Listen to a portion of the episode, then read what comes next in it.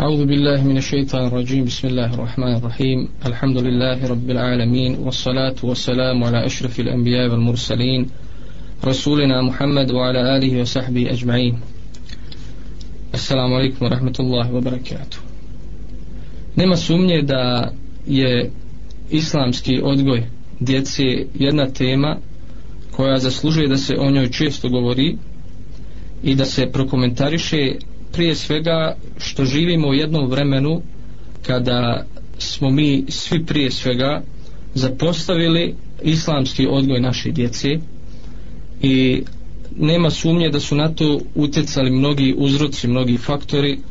a jedan najvažniji najbitniji faktor je e, taj period komunizma koji je uveliko utjecao da mi kao muslimani na ovim prostorima E, zapostavimo islamski odgoj svoje djece e, međutim uzvišen Allah je dao priliku i dao nam je e, slobodu vjere da iskoristimo ovo vrijeme i ovu slobodu da više pažnje posvetimo e, islamskom odgoju naše djece međutim prije nego što počnemo detaljnije o tome govoriti ja ću samo napomenuti s obzirom da je to nepoznato našim slušalcima da je jedan od najvećih doprinosa islama čovečanstvu taj što je ponudio jedan potpun i vjerodostojan način i metod odgoja čovjeka i novih pokoljenja. To je program koji vraća ljude iz tmina, neznanja i zabludje na svjetlo Allahove upute i milosti. A tome uzvišenje Allah kaže A'udhu billahi min shaitan rajim قد جاءكم من الله نور وكتاب مبين يهدي به الله من اتبع رضوانه سبل السلام ويخرجهم من الظلمات إلى النور بإذنه ويهديهم إلى صراط مستقيم كاجه أزوشني الله أود الله وام دولزي سفيتلوست إكنيغا ياسنا kojom Allah upućuje na puteve spasa one koji nastoje steći zadovoljstvo njegovo, izvodi ih iz tmina na svjetlo i na pravi put im ukazuje. Inače uzvišeni Allah u jednom ajetu e, najviše naglašava kolika je odgovornost prije svega roditelja e, za odgoj djece. Pa kaže u billahi min shaytan rajim ja ayyuhalladhina amanu qu anfusakum wa ahlikum nara wa quduha an-nas wal hijara. O vjernici, čuvajte sebe i svoje porodice od džehennemske vatre čije će gorivo biti ljudi kamenje. E, mnogi mufesiri, komentatori Kur'ana ističu e, i kažu da se ovaj ajet odnosi na odgoj djeci prije svega na jedan na vjerski i moralni odgoj djeci jer tako ćemo ih zaštititi džehennemske vatri a poslanik alaih salatu osalam kaže u poznatom hadisu svi ste vi pastiri i svi ćete biti odgovorni za svoja stada prije svega e, čovjek je pastir u svojoj porodici on je odgovoran za svoju porodicu i majka je pastirka i odgovorna za svoju djecu a prije svega za njihov vjerski i moralni odgoj Iako je pitanje odgoja mladih veoma značajno, o čemu i vi govorite, budući da su djeca naša budućnost, budući da smo mi odgovorni za njihov odgoj, ipak često ljudi ovom aspektu života ne prilaze dovoljno ozbiljno. Kakav je u stvari naš odnos prema islamskom odgoju naše djeci? Ja sam na početku spomenuo da je e, period koji je za nas uveliko utjecao na odnos, naš odnos prema vjeri naših roditelja, koji su uveliko zbog e, objektivnih okolnosti, nekada opravdano, nekada neopravdano, zapostavili svoju vjeru i bez sumnje to je utjecalo da su, da su te generacije tog perioda da su zapostavile, uveliko zapostavile islamski odgoj svoje djece i naći ćemo rijetke porodice prije danas ima toga više jeli, prije smo mogli e, rijetko naći porodice koje su predavale E, veliku pažnju a, e, islamskom odgoju a to su bile teška vremena kada je a, e, bilo mnogo teže da roditelj vodi brigu a, o vjerskom odgoju svo, a, svoje djece zbog toga što ni sistem nije dozvoljavao ovaj da se kroz institucije državne institucije kroz škole da se promovira vjera i često su, često su mnogi omladinci bili zatvarani i tako dalje E, skidani sa pozicija u društvu zbog toga što su bili više e, privrženi vjeri zbog toga što su ovaj težili prakticiranju vjere u svome životu. Znači nema sumnje da je ovaj do, do rata da je taj naš odnos bio uh, veoma loš uh, naš odnos prema odgoju naše djece. Međutim uh, u periodu rata i nakon toga uh, svi ćemo posvjedočiti uh, i to najbolje svjedoči rezultati da su mnoge poruce konačno ovaj uh, donijele definitivnu odluku da e, islamski principi života usade u svoj svakodnevni život i da se posvijete e,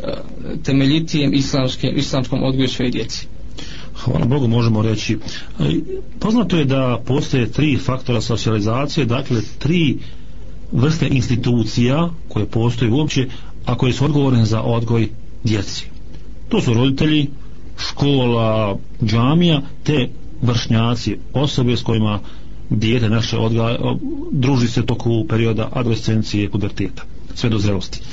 Recite onda, ko je najodgovorniji za odgoj djece i njihovo upućivanje na pravi put, dakle na put spasa, na selamet? S obzirom da u našem današnjem društvu eh, te obrazovno odgojne institucije eh, ne vode baš eh, najviše brige, brige o tom odgoju djece, E, najveća odgovornost bez sumnje pada na roditelje. E, iako je posle rata, iako je uvedena i vjeronauka e,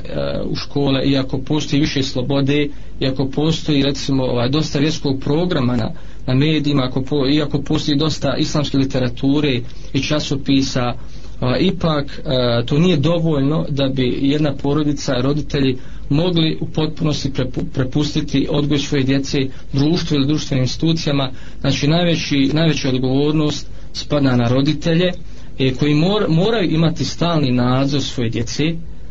ne samo u kući nego i van, van kuće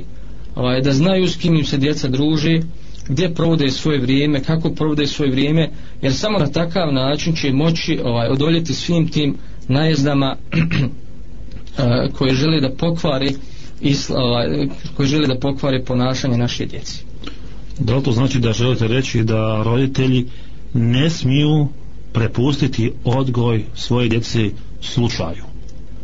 Nema sumnje ili, ili drugačije rečeno ne smiju prepustiti odgoj svoje djece ulici. ulici. Ko što je u većini slučajeva. Jer e, ono što je... A to je onda vezano za onaj odnos naš odnos prema odgoju djece. Jes, naš odnos prema odgoju naše djece. Čija su to djeca i koja je naša uloga? mnogi ne shvataju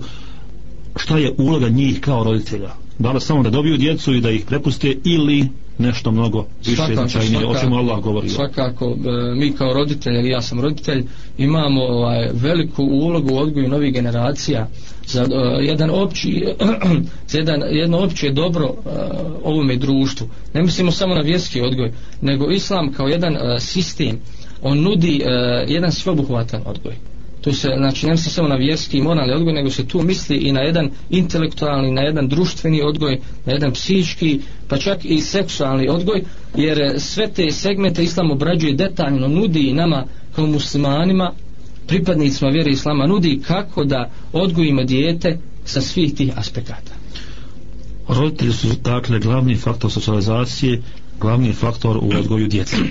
kada bi onda oni kao ozbiljne zrele osobe koje vole tu svoju djecu trebali početi sa odgojem djeci u svim tim aspektima koje ste vi spomenuli